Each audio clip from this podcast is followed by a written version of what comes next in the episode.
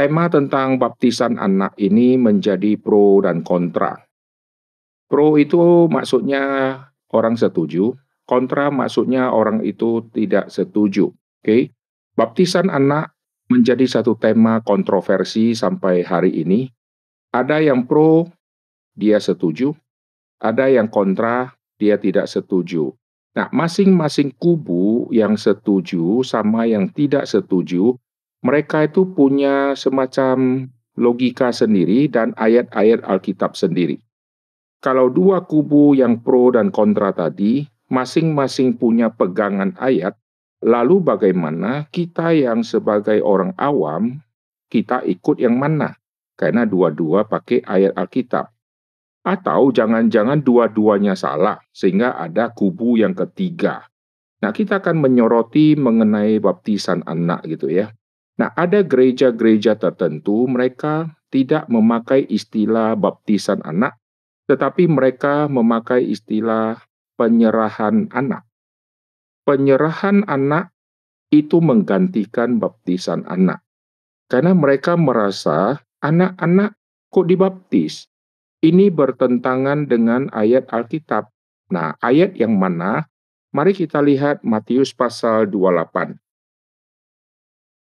Perhatikan Matius pasal ke-28, ini ada ayat yang tidak setuju baptisan anak. Padahal ayat itu tidak bicara baptisan anak. Tetapi dari arti ayat itu tidak setuju atau tidak mendukung baptisan anak.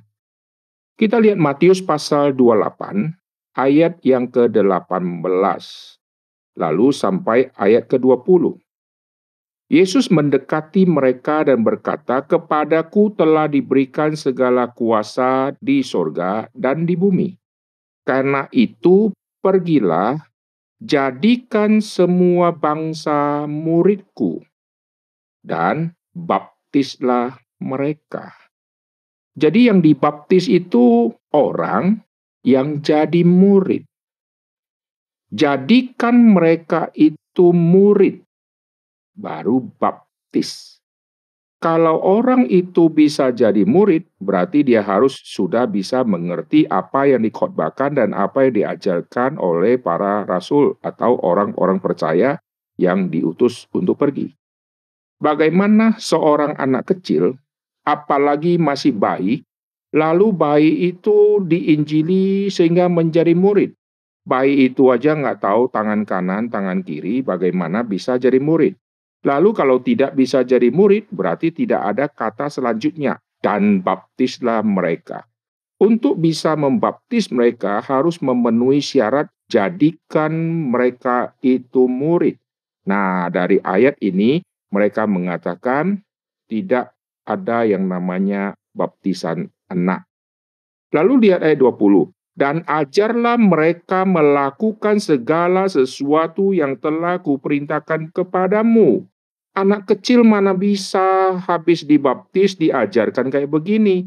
Makan saja mesti disuapi. Jadi ayat ini berbicara kepada orang-orang dewasa yang diinjili, lalu jadi murid, lalu dibaptis, lalu diajar. Maka matching. Ayat ini bukan untuk bayi.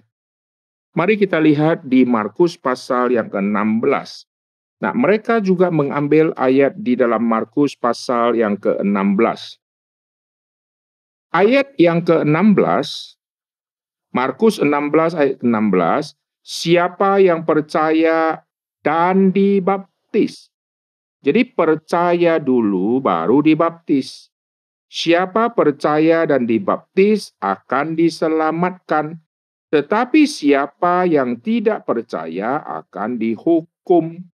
Anak kecil waktu kita mau baptis kita tanya dia, lu percaya Yesus atau tidak? Mana bisa dia jawab. Kalau tidak bisa dia jawab, ini antara percaya sama tidak percaya. Tetapi kemungkinan yang paling besar pasti tidak percaya. Bagaimana dia bisa percaya? Mama papanya yang mana aja dia tidak tahu, apalagi Yesus yang mati di atas kayu salib. Mana ngerti dia? Nah, kalau dia tidak ngerti, berarti dia tidak percaya. Kalau dia tidak percaya, dia masih kecil yang tidak bisa nangkap isi firman, dia pasti akan dihukum, bukan dibaptis. Nah, Dua ayat ini selalu dipakai oleh orang-orang yang tidak setuju baptisan anak. Oleh sebab itu, mereka mengganti istilah baptisan anak menjadi penyerahan anak. Karena penyerahan anak ada ayat Alkitabnya. Mari kita lihat di dalam kitab Lukas. Nah, mereka ambilnya dari kitab Lukas. Nanti kita akan jelaskan ya, sebetulnya seperti apa yang benar. Lukas pasal yang kedua, lihat ayat ke-21. Saya akan baca ya. Lukas pasal kedua dari ayat ke-21. Dan ketika genap delapan hari, dan ia harus disunatkan, ia diberi nama Yesus, yaitu nama yang disebut oleh malaikat sebelum ia dikandung ibunya. Dan ketika genap waktu pentahiran menurut hukum Taurat Musa, mereka membawa dia ke Yerusalem untuk menyerahkannya kepada Tuhan. Nah, ini penyerahan anak karena Yesus masih sangat kecil. Lalu serahkan Yesus kepada Tuhan. Bayi Yesus atau Yesus yang masih kecil kepada Tuhan. Seperti ada tertulis dalam hukum Tuhan, semua anak laki-laki sulung harus dikuduskan bagi Allah dan untuk mempersembahkan korban menurut apa yang difirmankan dalam hukum Tuhan. Nah, lihat, di sini ada muncul kata penyerahan anak. Kalau begitu, penyerahan anak lebih alkitabiah daripada baptisan anak. Karena lihat dari tiga ayat yang tadi kita sudah baca tadi. Maka banyak orang-orang yang kontra terhadap baptisan anak mereka lebih memilih penyerahan anak. Nah, ayat yang Lukas tadi, ayat memang tulis menyerahkan anak. Tetapi ayat ini ada latar belakang PL-nya, yaitu apa? Di dalam perjanjian lama, orang-orang yang adalah umat Tuhan mereka sudah ditetapkan oleh Tuhan, semua yang lahir sulung harus diserahkan kepada Tuhan, karena yang sulung adalah milik Tuhan. Dan yang sulung itu sulung yang manusia, dari ayah dan ibu yang lahir anak sulung.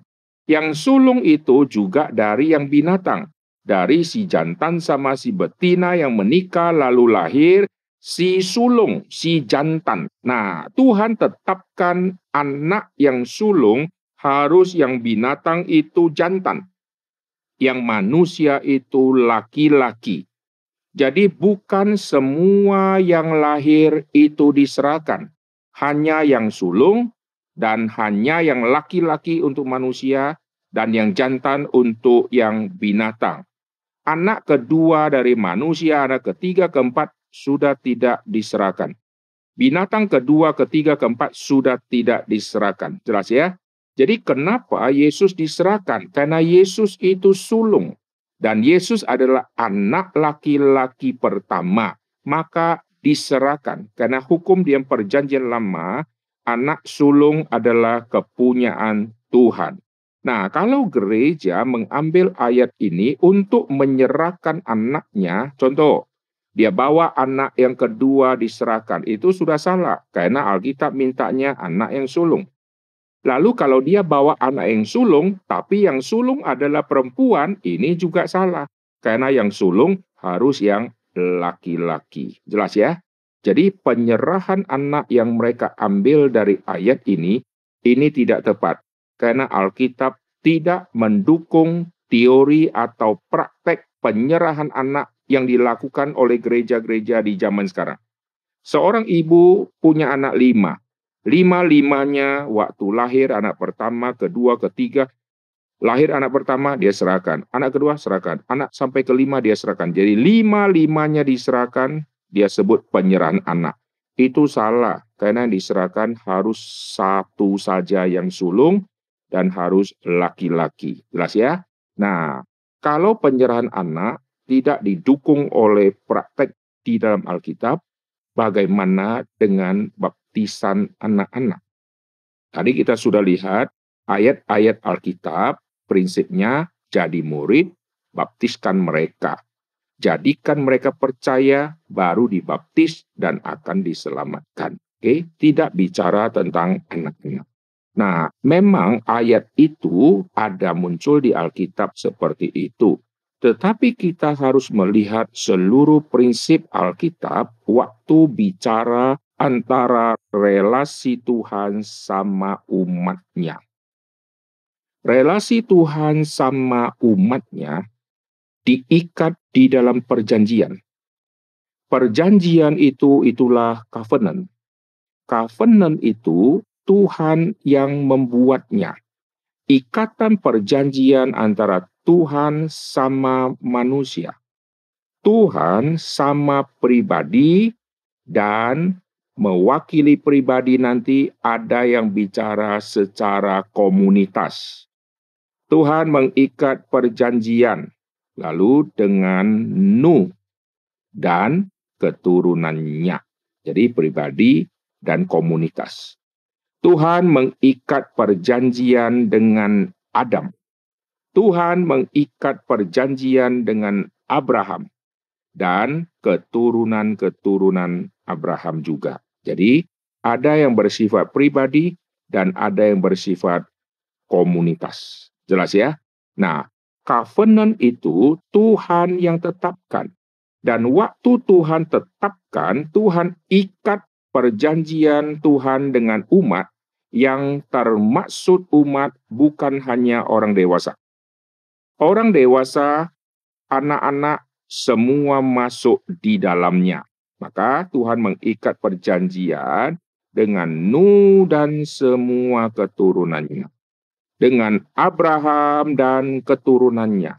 Oke, jadi ada yang bersifat orang dewasanya, Nuhnya, Abrahamnya gitu ya. Ada yang bersifat keluarganya.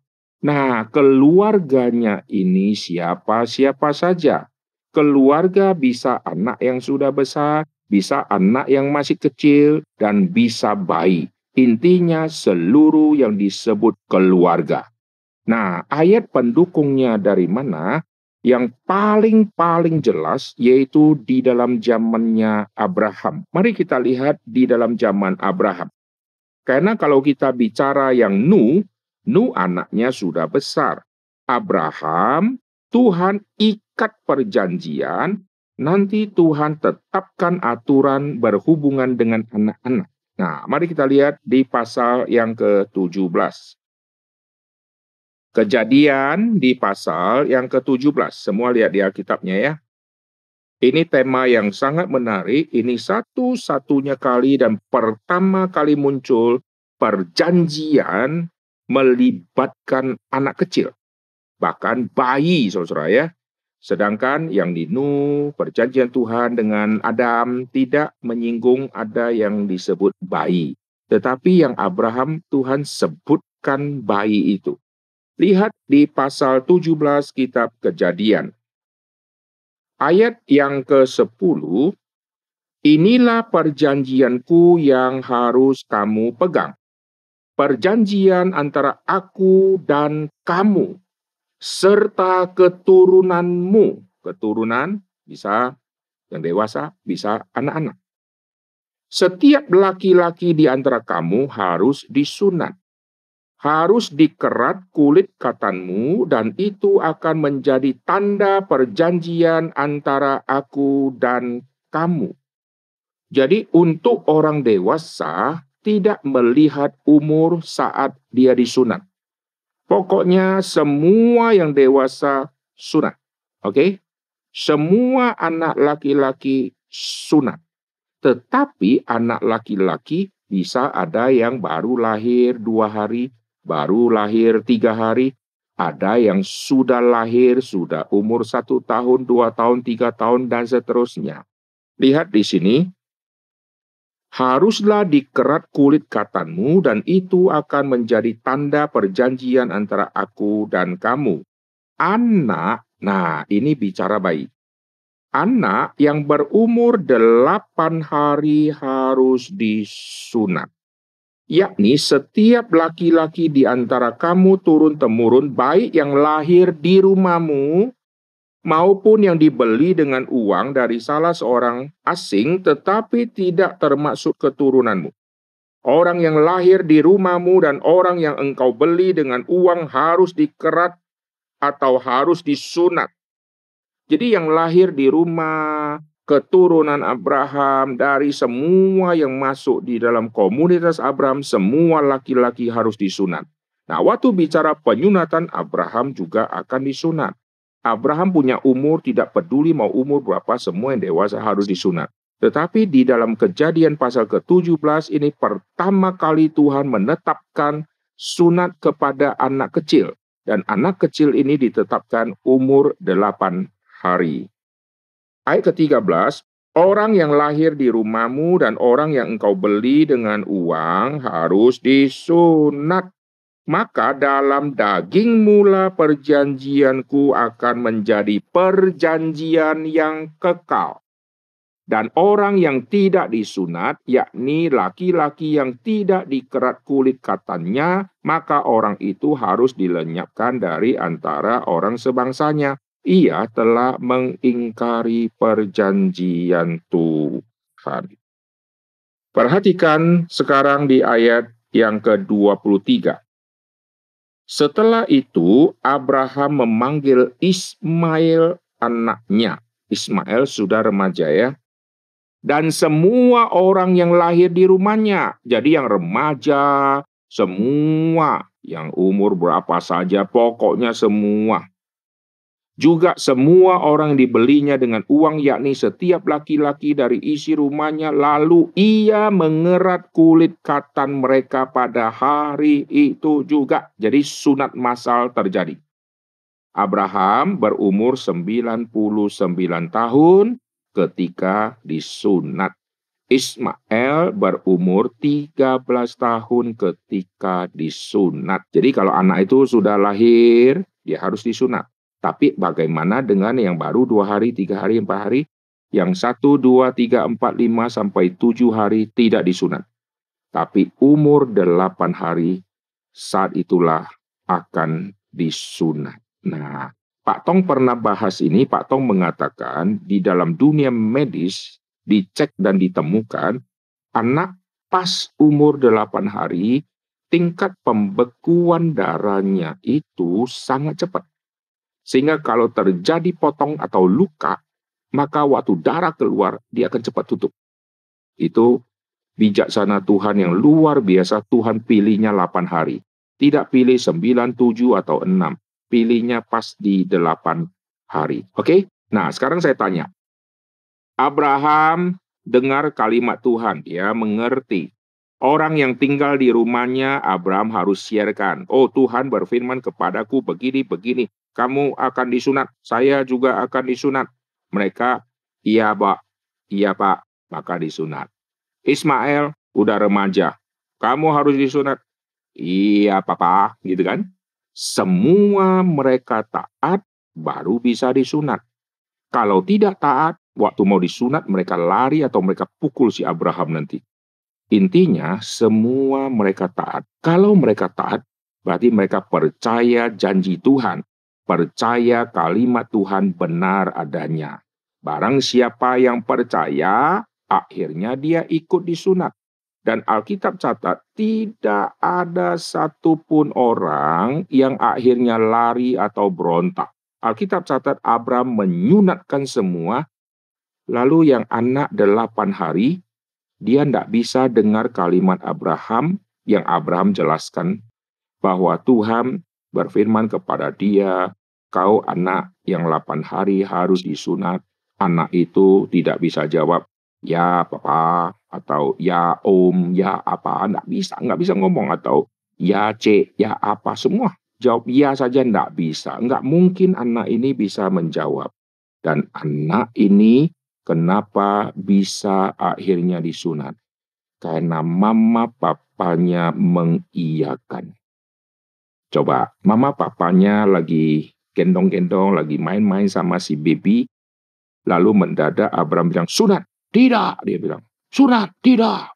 Dikejar, dia lari sampai ke gunung-gunung misalnya. Tidak jadi disunat. Kenapa semua anak 8 hari bisa terjadi penyunatan?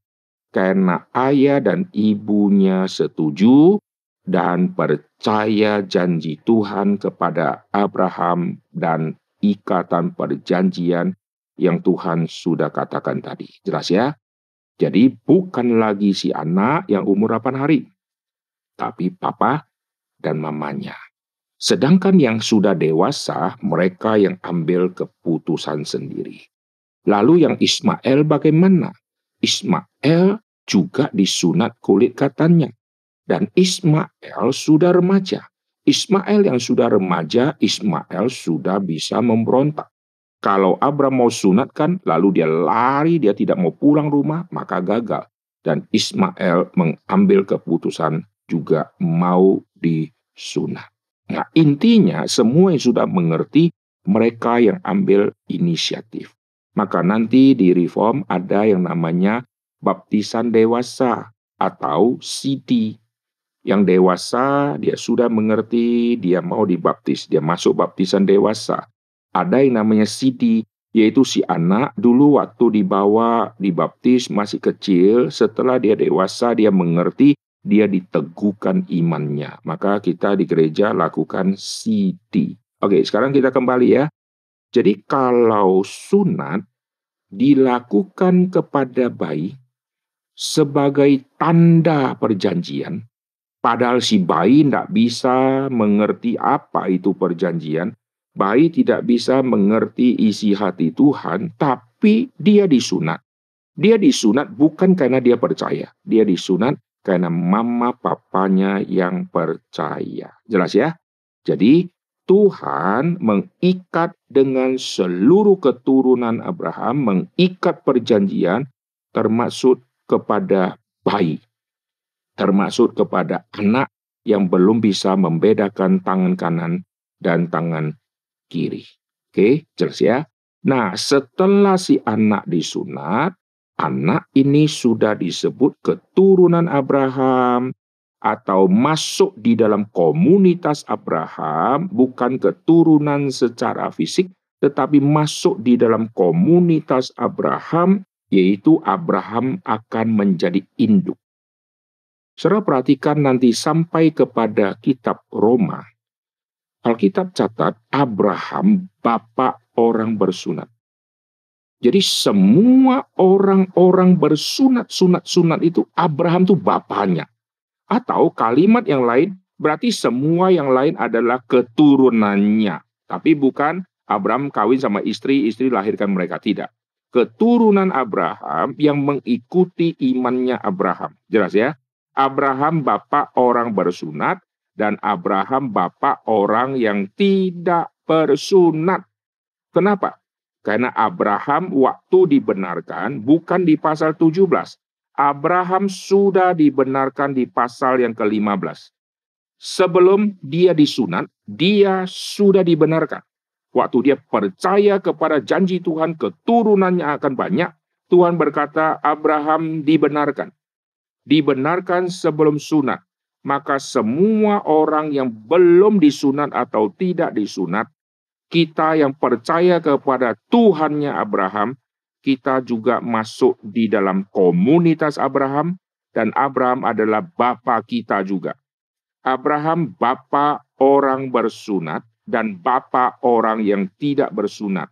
Karena sebelum disunat dia dibenarkan dan dia juga dibenarkan setelah nanti di zaman setelah sunat dia juga dibenarkan. Jelas ya? Jadi kita ini disebut keturunan-keturunan Abraham karena Tuhan mengikat perjanjian dengan Abraham dan kita masuk di dalam keturunan Abraham. Nah, inilah yang Paulus bahas di dalam kitab Galatia. Kita ini anak-anak janji. Kita dari jalur Ishak. Kita anak-anak janji. Kalau dari jalur Isa, berarti Isa punya mama adalah Sarah. Sarah punya suami Abraham. Kita keturunan Abraham. Kita anak-anak janji. Kita bukan keturunan dari Hagar, anak perhambaan. Kita anak orang merdeka. Jelas ya? Nah, saya tidak bahas panjang ke situ. Sekarang kita kembali karena kita akan fokus tentang yang baptisan anak.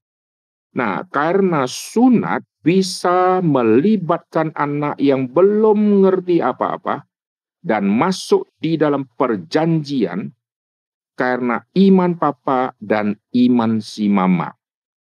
Maka gereja melakukan baptisan kepada anak kecil bukan karena si anak sudah bisa percaya, khususnya baptisan bayi ya, tetapi mama papa yang percaya. Barulah gereja akan melakukan baptisan anak itu. Bagaimana dengan papa mama yang tidak percaya tapi mau anaknya dibaptis? Tidak bisa.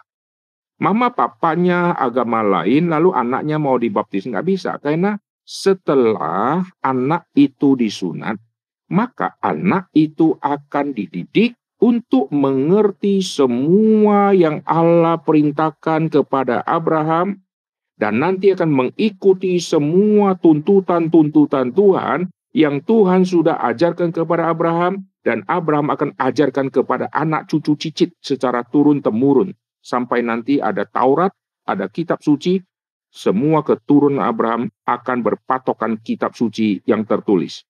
Tetapi sebelum ada kitab suci, mereka diajarkan secara lisan oleh ayah dan ibu dan turun-temurun semua ajaran-ajaran penting yang Tuhan kasih. Jadi kalau ayah dan ibu belum percaya Tuhan Yesus, mendadak anaknya dibawa untuk dibaptis, gereja akan tolak. Karena setelah dibaptis, anak mau dididik dengan iman apa? Mama tidak ngerti Alkitab, Anak sudah dibaptis, anak tidak diajarkan Alkitab, itu tidak bisa. Maka aturan di dalam gereja reform, ayah dan ibunya harus anggota gereja reform bersama-sama. Kenapa? Karena dipikirkan begini. Jikalau si ayah gereja A, aliran A, istri gereja reform misalnya, nanti waktu anak dibawa dibaptis ke reform, nanti anak akan digembalakan di mana? Karena si istri ikut suami. Suami ke gereja dia. Istri ikut ke gereja. Kalau istri ikut ke gereja suami, anak pasti akan ikut papa dan mama. Padahal anak dibaptis di gereja reform dan istrinya reform, suaminya bukan reform. Istri harus mengalah ikut si suami. Kalau istri ngotot, setiap minggu mereka pisah. Lalu setelah pisah, mereka buat perjanjian. Oke, setiap minggu pertama anak ikut saya. Si mama bilang begitu. Anak ke reform. Ikutlah sekolah minggu, show me Jesus. Minggu kedua suami bilang, anak ikut saya. Anak ikut sekolah minggu yang nggak tahu me dari mana gitu ya.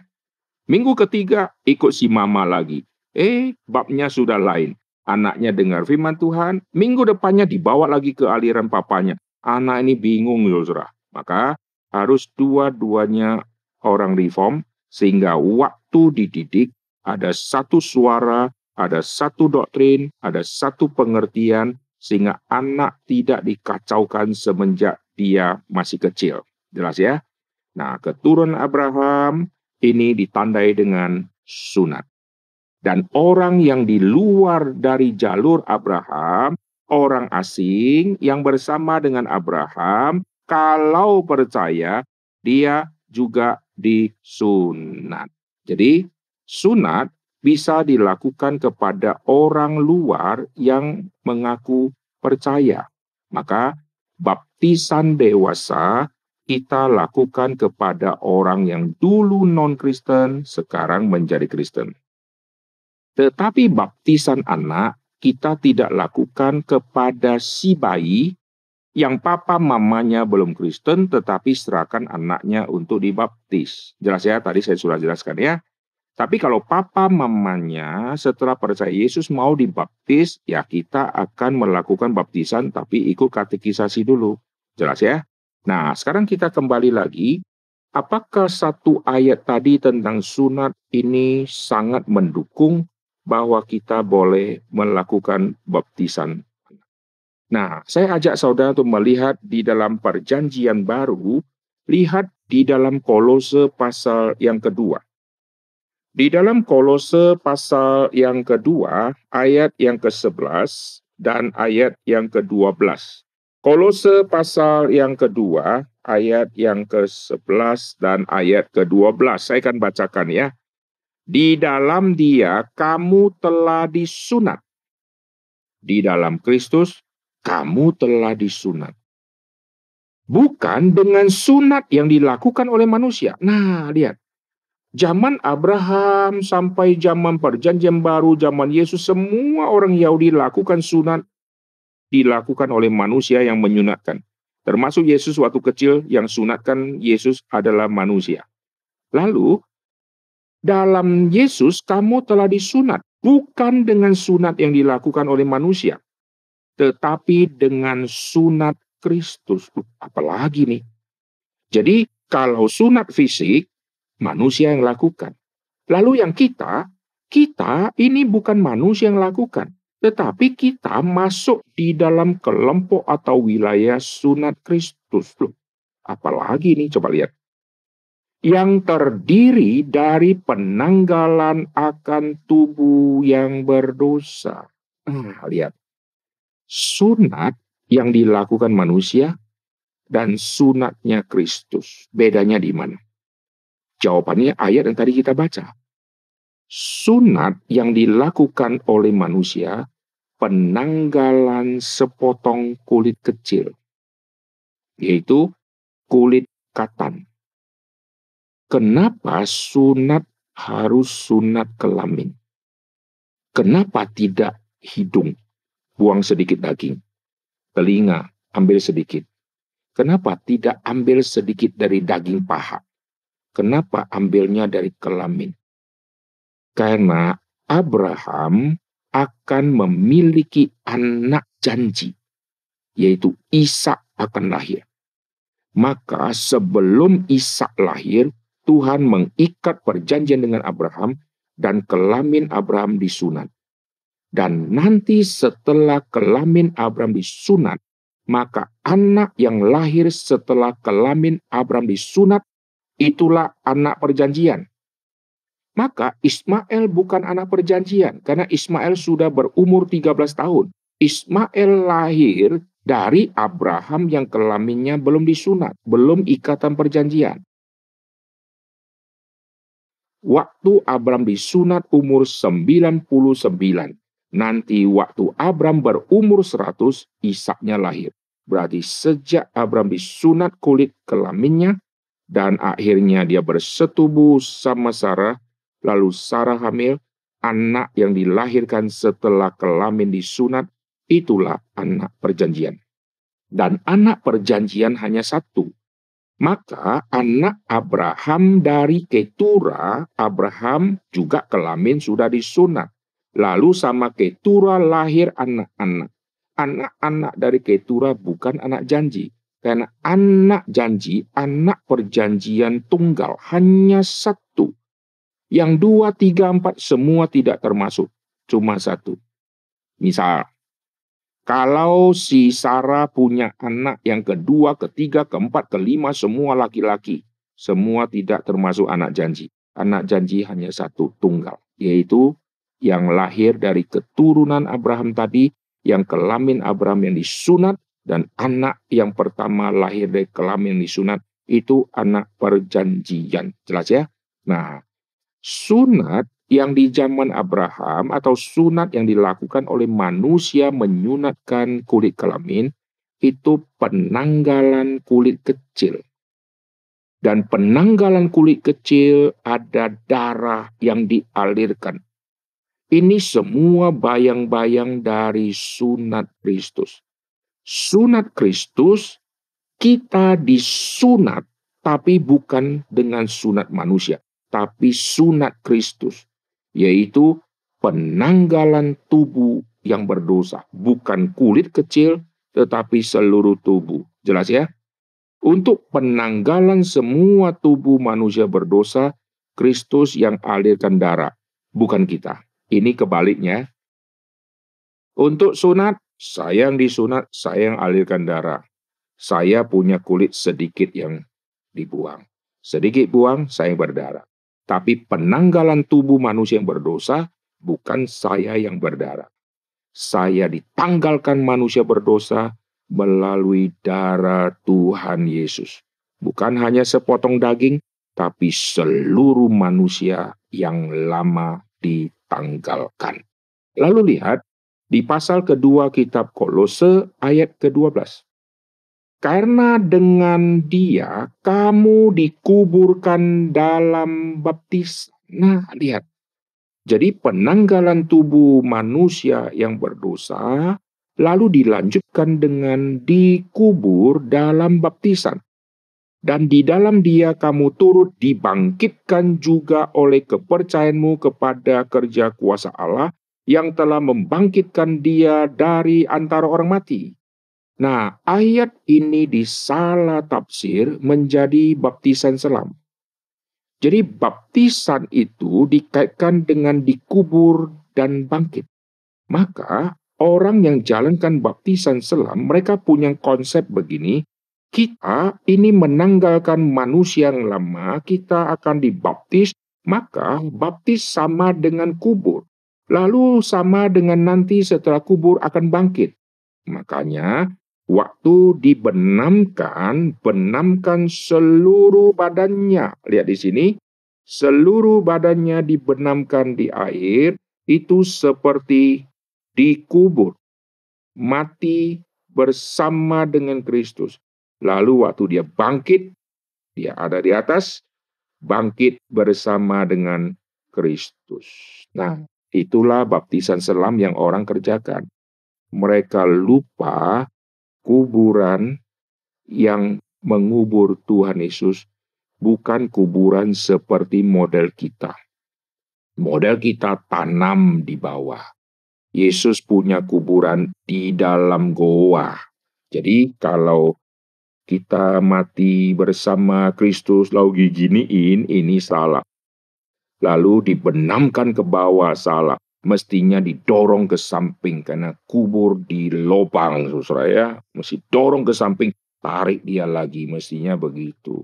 Jadi cara mereka baptis selam diparalelkan dengan kubur dan bangkit dengan benamkan dia lalu keluar dari air ini cara yang salah dan mereka mengambil contoh yaitu kata baptisan di dalam Alkitab yaitu baptiso baptiso mereka ambil kata itu dengan berkata selam. Baptiso artinya banyak. Satu kata bahasa asli, mau bahasa Yunanika, mau bahasa Ibranika, satu kata saja, itu artinya bisa banyak. Kadang-kadang bisa sampai 15 arti untuk satu kata di dalam bahasa asli. Lalu, salah satu kata untuk baptiso artinya adalah membasuh atau mencuci. Saya kalau membasuh tangan, apakah semua lengan saya kena air? Saya membasuh tangan bisa saja dua telunjuk saya saja, karena saya basuh-basuh. Saya membasuh bisa saja tangan kanan saya atau tangan kiri saya. Saya membasuh bisa basuh hanya semua jari saya. Tidak tentu membasuh tangan, semua lengan dan tangan saya akan masuk ke dalam. Dan mereka mengambil ayat Yesus keluar dari air. Kalau saudara ke hotel, tinggal di hotel, lalu saudara mandi di bathtub, kasih air panas. Air panas yang saudara kasih itu tutup sampai kepala kalian atau tidak. Kalian tiduran tidak mungkin bisa air di bathtub tutup sampai kepala. Kalian duduk tiduran, pasti air sampai ke dada. Kalau air bisa tutup sampai ke kepala, air pasti luber keluar dari bathtub. Supaya kepala kalian bisa masuk, kalian akan tidur turunkan kepala supaya kepala kecelup sama air. Secara air untuk diisi sampai tutup kepala nggak mungkin karena bathtub pasti lebih rendah daripada kepala kita, maka air akan tercurah semua. Lalu kalau kita mandi di bathtub, lalu setelah mandi selesai kita keluar dari bathtub, kita injakkan kaki berdiri di bathtub, air itu mungkin sampai di lutut kita. Waktu kita keluar dari betap itu sama juga saya keluar dari air. Saya keluar dari air tidak berarti seluruh tubuhku sudah dibenamkan di dalam air. Ada orang yang tidak rendam di betap, tetapi dia mandinya berdiri di betap dengan shower.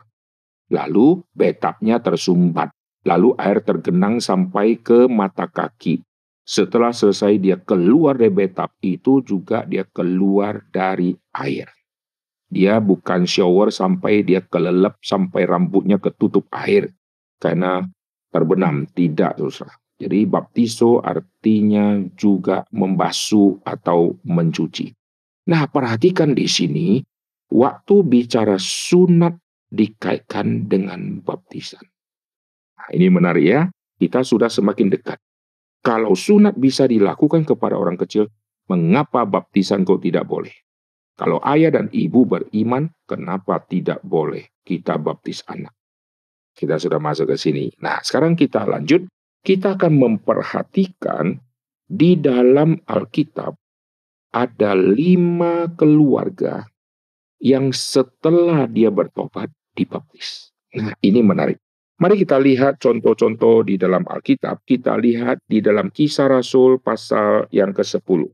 Kisah Rasul pasal yang ke-10 ini contoh pertama ya. Semua bisa lihat dan kalian juga bisa catat-catat ya. Saya akan membaca di ayat pertama, di Kaisarea ada seorang bernama Cornelius, seorang perwira pasukan yang disebut pasukan Italia. Ia saleh ia serta seisi rumahnya. Nah, seisi rumahnya ini pasti bukan bicara perabot, kulkas, atau pakai konteks sekarang TV lah, sofa, tidak ya. Seisi rumahnya ini pasti manusia. Takut akan Allah. Dan ia memberi banyak sedekah. Jadi dia dan keluarganya, seisi keluarganya. Bisa ada anak remaja, bisa ada anak pemuda, dan bisa juga ada bayi. Kalau kita berkata, oh tidak, tidak ada bayi. Dari mana kita tahu? Kalau sekarang kita bicara ya, kemarin saya mampir ke satu bapak, saya ketemu seisi keluarganya. Lalu saya tafsir, tidak ada bayi, tidak ada bayi. Belum tentu.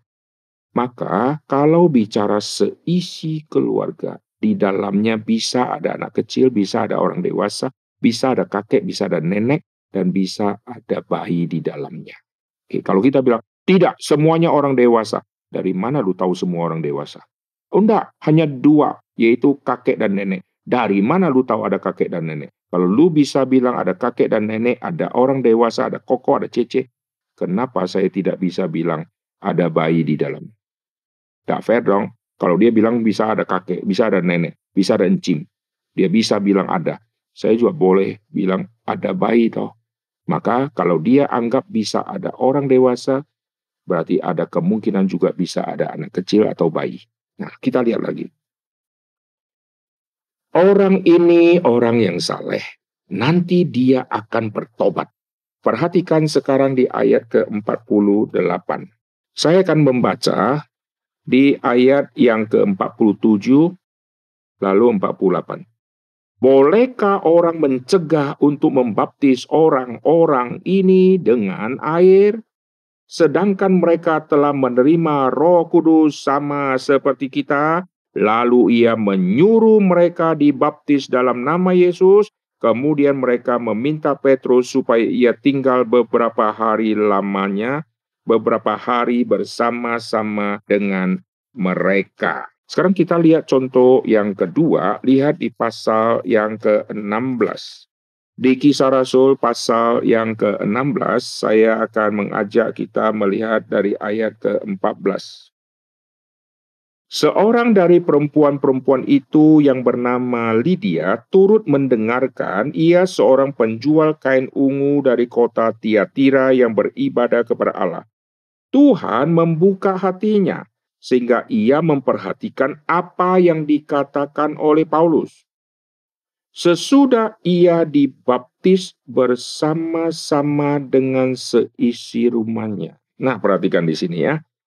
Ayat yang ke-14, ia memperhatikan apa yang dikatakan oleh Paulus. Yang dengar khotbah kan dia. Tapi heran, sesudah ia dibaptis bersama-sama dengan seisi rumahnya, ia mengajak kami. Nah, seisi rumahnya bisa tidak ada anak kecil, bisa saja. Intinya, kita tidak boleh membatasi bahwa tidak ada anak kecil. Karena yang dengar khotbah, yang dengar dengan sesama, ini Lydia. Tapi nanti yang dibaptis dia bersama-sama dengan seisi rumahnya. Berarti ada orang di rumahnya yang akan dia bawa untuk dibaptis. Bisa saja ada anak-anak kecil di dalamnya. Oke, kita lihat sekarang contoh yang ketiga. Lihat di pasal yang ke-16, ayat 33. Kepala penjara ayat 33. Saya baca ayat ke-31, jawab mereka, percayalah kepada Tuhan Yesus dan engkau akan selamat. Engkau dan seisi rumahmu. Lalu mereka memberitakan firman Tuhan kepadanya dan kepada semua orang yang ada di rumahnya. Nah, jadi yang ini kepada yang satu, lalu kepada semua orang yang ada di rumahnya. Lalu di ayat ke-33. Pada jam itu juga kepala penjara itu membawa mereka dan membasuh bilur mereka. Seketika itu juga ia dan keluarganya memberi diri dibaptis. Jadi, Injil diberitakan kepada semua orang yang ada di rumahnya. Beranikah kita berkata, tidak ada bayi di situ? Kita kalau khotbah, ada ibu-ibu yang gendong bayi ibu-ibu dengarkan khotbah dan suaminya ada di situ. Lalu dicatatlah di berita misalnya ya. Sepasang suami istri datang ke gereja mendengarkan firman Tuhan. Tapi kita yang ada hari itu kita tahu si istri menggendong si bayinya. Mama papa dengarkan khotbah tapi bayi ada di gendong. Jadi waktu kita lihat orang-orang ke gereja ada yang bawa baby-babynya. Waktu dengar khotbah mama papanya yang dengar. Tapi baby-baby digendong, baby-baby dibawa. Jadi ayat ini juga tidak menutup kemungkinan waktu Injil dikabarkan di rumahnya, di rumahnya ada orang yang sedang gendong baby kah? Bisa saja terjadi. Nah Alkitab tidak tulis siapa-siapa orang di rumah dan umur-umurnya berapa. Kalau kita berkata, oh di dalamnya ada anak umur 12 tahun, anak umur 15 tahun, ada kakek, ada nenek, kita berani klaim seperti itu. Kenapa kalau saya bilang ada bayi yang digendong kok nggak mungkin? Oke, okay? nah sekarang semua ini bisa ada kemungkinan. Kita lihat lagi di kisah Rasul pasal yang ke-18. Kisah Rasul pasal yang ke-18, saya baca ayat ke-8. Tetapi Krispus, kepala rumah ibadat itu menjadi percaya kepada Tuhan bersama-sama dengan seisi rumahnya. Alkitab selalu menekankan satu orang bertobat, seisi rumahnya juga dibawa kepada Tuhan. Ini prinsip penting di dalam keluarga. Banyak orang satu diselamatkan, yang lain tidak dia peduli papa, mamanya sudah Kristen. Dia tidak peduli yang mertuanya bagaimana. Dia bawa papanya untuk kenal Tuhan, tapi mamanya ada yang belum kenal Tuhan. Dia tidak bawa. Atau dia terus doakan papanya sudah 10 tahun, yang mamanya dia tidak doakan. Nah itu ada ketimbangan. Di sini dia dan seisi rumahnya. Berarti ada tanggung jawab yang besar kalau papa sudah percaya mengapa anak-anak yang lain kok dia dibiarkan tidak percaya? Kalau papa sudah percaya, mengapa ada anak terbesar yang belum ke gereja? Nah, ini tugas besar di dalam keluarga untuk membawa mereka, ya. Krispus, kepala rumah ibarat, menjadi percaya kepada Tuhan bersama-sama dengan seisi rumahnya. Dan banyak dari orang-orang Korintus yang mendengarkan pemberitaan Paulus menjadi percaya dan memberi diri mereka dibaptis. Oke, sekarang kita lihat contoh yang kelima, contoh yang terakhir di 1 Korintus di pasal yang pertama, ayat yang ke-16. 1 Korintus 1 ayat 16, juga keluarga Stefanus. Bukan Stefanus yang di kisah Rasul yang dibunuh ya. Juga keluarga Stefanus, aku yang membaptisnya. Keluarga Stefanus, aku yang baptis. Kecuali mereka aku tidak tahu. Entahkah ada lagi orang yang aku baptis? Keluarga. Bicara keluarga, dalamnya bisa ada anak kecil-kecil, saudara. Nggak usah sampai bayi umur 8 hari lah, 7 hari.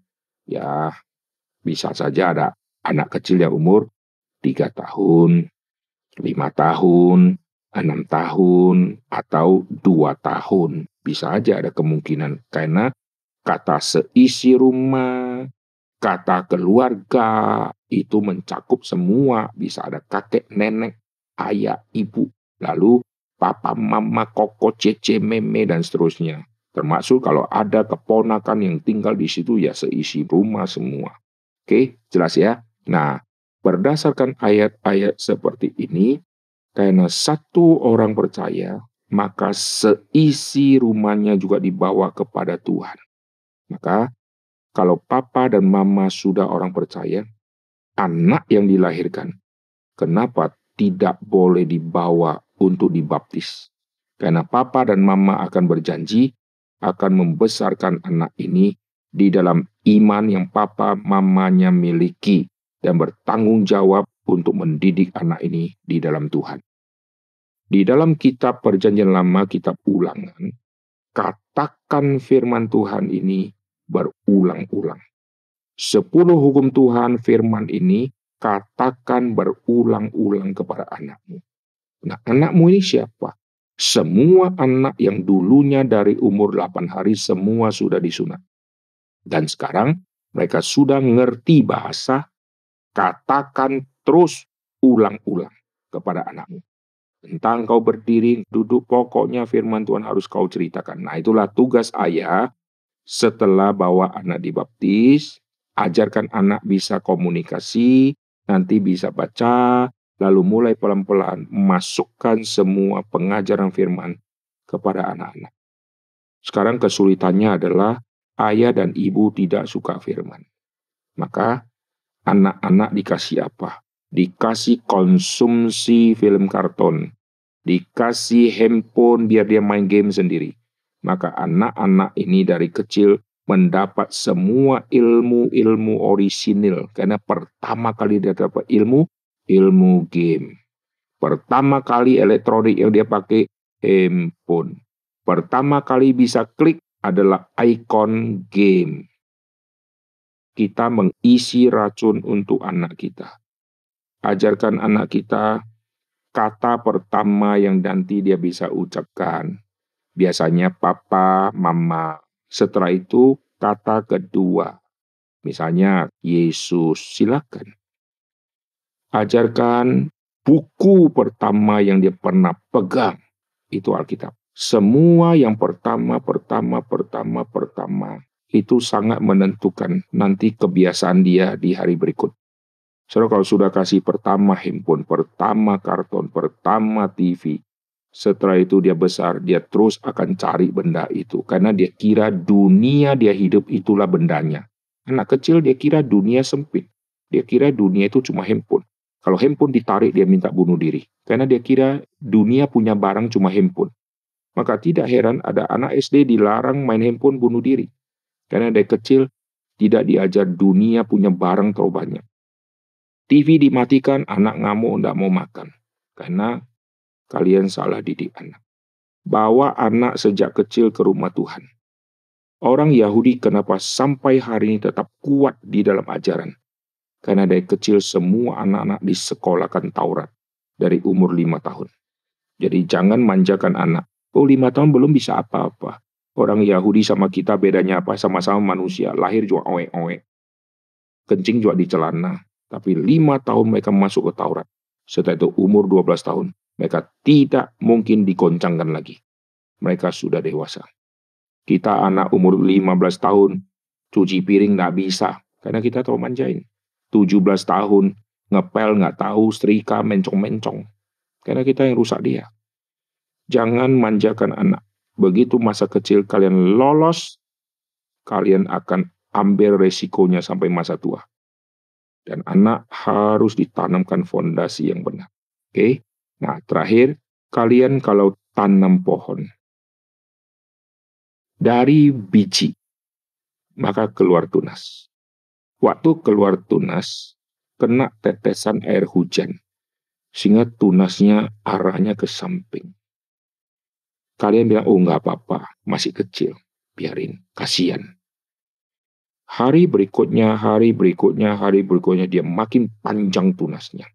Setelah panjang, akarnya sudah semakin banyak, nanti batangnya akan mulai bengkok terus. Kalian bilang nggak apa-apa, nanti setelah besar saya bereskan dia. Akhirnya makin besar, makin besar, makin besar. Akhirnya batangnya sudah kaku. Kalian waktu mau bengkokkan, akarnya sudah membentuk strukturnya. Sudah susah. Dari kecil bengkok, lurusin dia. Sudah sebulan bengkok lagi, lurusin lagi. Nanti setelah tulangnya atau batangnya keras, dia tinggal terus akan naik ke atas.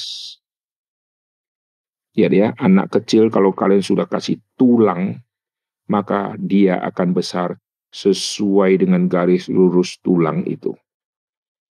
Pohon pinang begitu lurus, tapi dari kecil kalian biarkan dia bengkok. Maka setelah besar, dia lurusnya ke samping. Lurusin lagi, nggak bisa lagi kalian kenapa suka beli anjing dari kecil? Kenapa anjing yang lucu-lucu, yang Jepang, yang macam-macam, yang Korea, mini pom, kenapa tidak beli yang tujuh tahun, yang sudah matang? Kenapa pilih yang dua bulan? Kalian latih dia kencing. Sampai berbulan-bulan. Sit, sit, sit, duduk. Tidak ngerti-ngerti kasih makan sampai akhirnya bisa sit, bisa up, bisa jump, bisa sleep, bisa macam-macam macam-macam macam. Sekarang anak anjing itu sudah berumur 2 tahun. Tinggal kita ngomong satu patah langsung dia tahu. Suruh dia sit langsung sit. Tapi susahnya waktu dari dua bulan didik dia. Itu lebih bagus, capeknya ada manfaat, karena dua tahun kemudian si anjing sudah menjadi anjing yang pintar. Dibanding kalian bilang, enggak apa-apa, saya nggak ada waktu, biarin. Masih kecil ya, kencing sebalangan nggak masalah, nggak apa-apa. Setelah sudah terbiasa, suruh kencing lagi yang benar, enggak bisa lagi. Kenapa orang piara burung yang bisa jinak dari masa dia diloloh? Supaya dia tahu tangan manusia dan dia tidak gigit manusia sampai dia berbulu kecil, bulu besar, sampai terbang balik lagi, sampai begitu jinak. Karena dari kecil.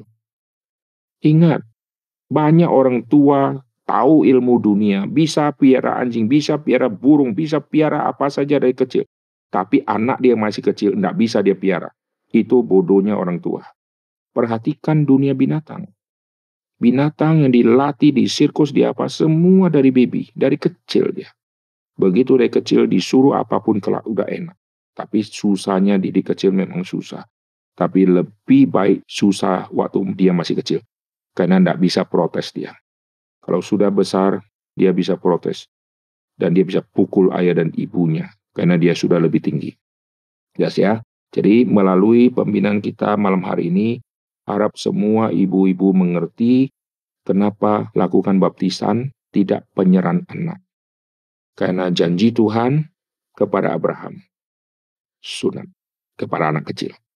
Dan perjanjian Tuhan dengan Abraham sunat yang dilakukan oleh manusia digenapkan di dalam kitab Kolose tadi sunat Kristus, penanggalan akan tubuh manusia yang lama. Lalu kalau saudara lihat di dalam Alkitab lagi bangsa Israel dibaptis di dalam awan dan waktu mereka menyeberang laut Tebrau, mereka ibarat seperti sedang dibaptis. Dan bangsa Israel yang seberang sungai Yordan, tidak semuanya orang dewasa. Mereka ada yang bayi juga, Kita lihat ayatnya ya, ini yang terakhir. Mari kita lihat 1 Korintus pasal yang ke-10 yang tentang baptisan ini. 1 Korintus pasal ke-10 ayat pertama, lalu ayat yang kedua. 1 Korintus 10 ayat 1 ayat 2. Aku mau supaya kamu mengetahui saudara-saudara bahwa nenek moyang kita semua berada di bawah perlindungan awan dan bahwa mereka semua telah melintasi laut untuk menjadi pengikut Musa, mereka semua telah dibaptis dalam awan dan dalam laut. Mereka semua telah dibaptis. Mereka ini orang dewasa. Ada Musa, ada Harun, pasti ada Bibi. Karena anak-anak yang dilahirkan itu sangat banyak selama perjalanan, dan jumlah Israel itu tidak punah. Keturunan demi keturunan, waktu mereka berangkat dari Mesir, pasti ada bayi yang dibawa. Waktu mereka keluar dari Mesir, pasti ada anak yang umur satu tahun, dua tahun, tiga tahun, yang akhirnya juga harus lewat. Dan mereka waktu seberang keluar, semua alami hal yang sama. Orang dewasa juga dibaptis, anak-anak juga, semua juga. Lalu saudara jangan bilang, manusia kalau sudah dibaptis, binatang juga harus dibaptis. Karena binatang juga ikut nyebrang. Nah, yang ditekankan di sini adalah manusianya. Binatang tidak perlu dibaptis. Jadi kalau saudara cinta ayam, jangan bawa ayamnya ke gereja untuk dibaptis ya supaya jadi anggota GRII. Nanti kita potong rame-rame itu ya. Oke, jadi 1 Korintus pasal 10 ayat yang kedua ini sangat clear. Ini kepada segala umur tidak membatasi. Dan kalau kita berkata, oh enggak, ini enggak ada anak kecil, enggak ada anak kecil. Kok lu tahu? Bisa aja anak umur 4 tahun ada di situ, 6 tahun ada di situ, bayi juga ada di situ. Oke, kita berdoa ya. Bapak yang surga kami berterima kasih untuk semua poin-poin penting tentang baptisan anak. Kami bersyukur untuk semua catatan Alkitab yang memberi kepada kami pengertian satu persatu sehingga kami melangkah dengan iman dan kami tidak salah anak kami waktu dibawa ke gereja untuk dibaptis apakah itu benar sesuai Alkitab atau tidak. Terima kasih untuk semua firman yang sudah kami dengarkan. Tuhan yang memimpin kami supaya kami bukan hanya membawa anak untuk dibaptis, tapi kami akan mendewasakan dia, mendidik dia, mengarahkan dia kepada iman yang kokoh sejak dia masih kecil. Sehingga sampai dia besar, dia akan bertumbuh berdasarkan fondasi iman yang kokoh, dan dia terus akan menuju ke atas, terus bertumbuh, dan akan berbuah. Terima kasih Tuhan dengar doa kami dalam nama Tuhan Yesus kami berdoa. Amin.